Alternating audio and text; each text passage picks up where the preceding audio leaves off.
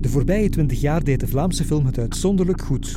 In de podcast Het Wonder is geschied van Radio 1 en Filmfestival Oostende praten we naar aanleiding van de gelijknamige expo in Oostende met de gangmakers van de afgelopen twee decennia.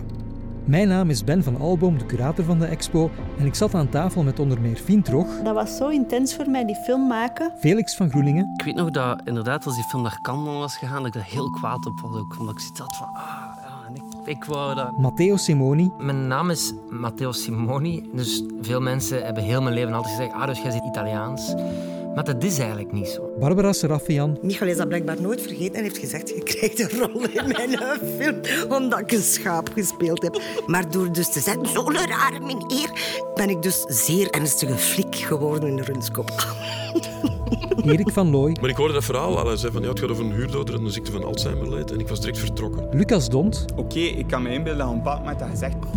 Godverdomme, kom nu gewoon naar de cinema. Adil en Bilal. Uiteindelijk hebben we Hollywood gedaan. En... Nu wil iets anders. Oh, we gaan iets anders doen. Hè?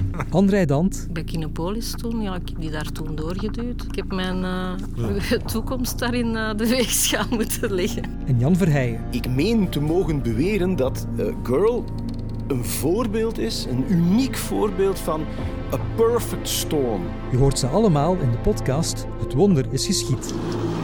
Tot genoegen, commissaris. Moest wie gaan? Als ik thuis kan, wil ik gehoord hebben dat jij een onkel gebeld hebt. Dat ze dat goed verstaan. Het is niet van Elvis, het is van Hank Williams. Wat, die cowboy? Niet beginnen, heel! Mama, terug in de auto. Mama is ruzie aan het maken, kom.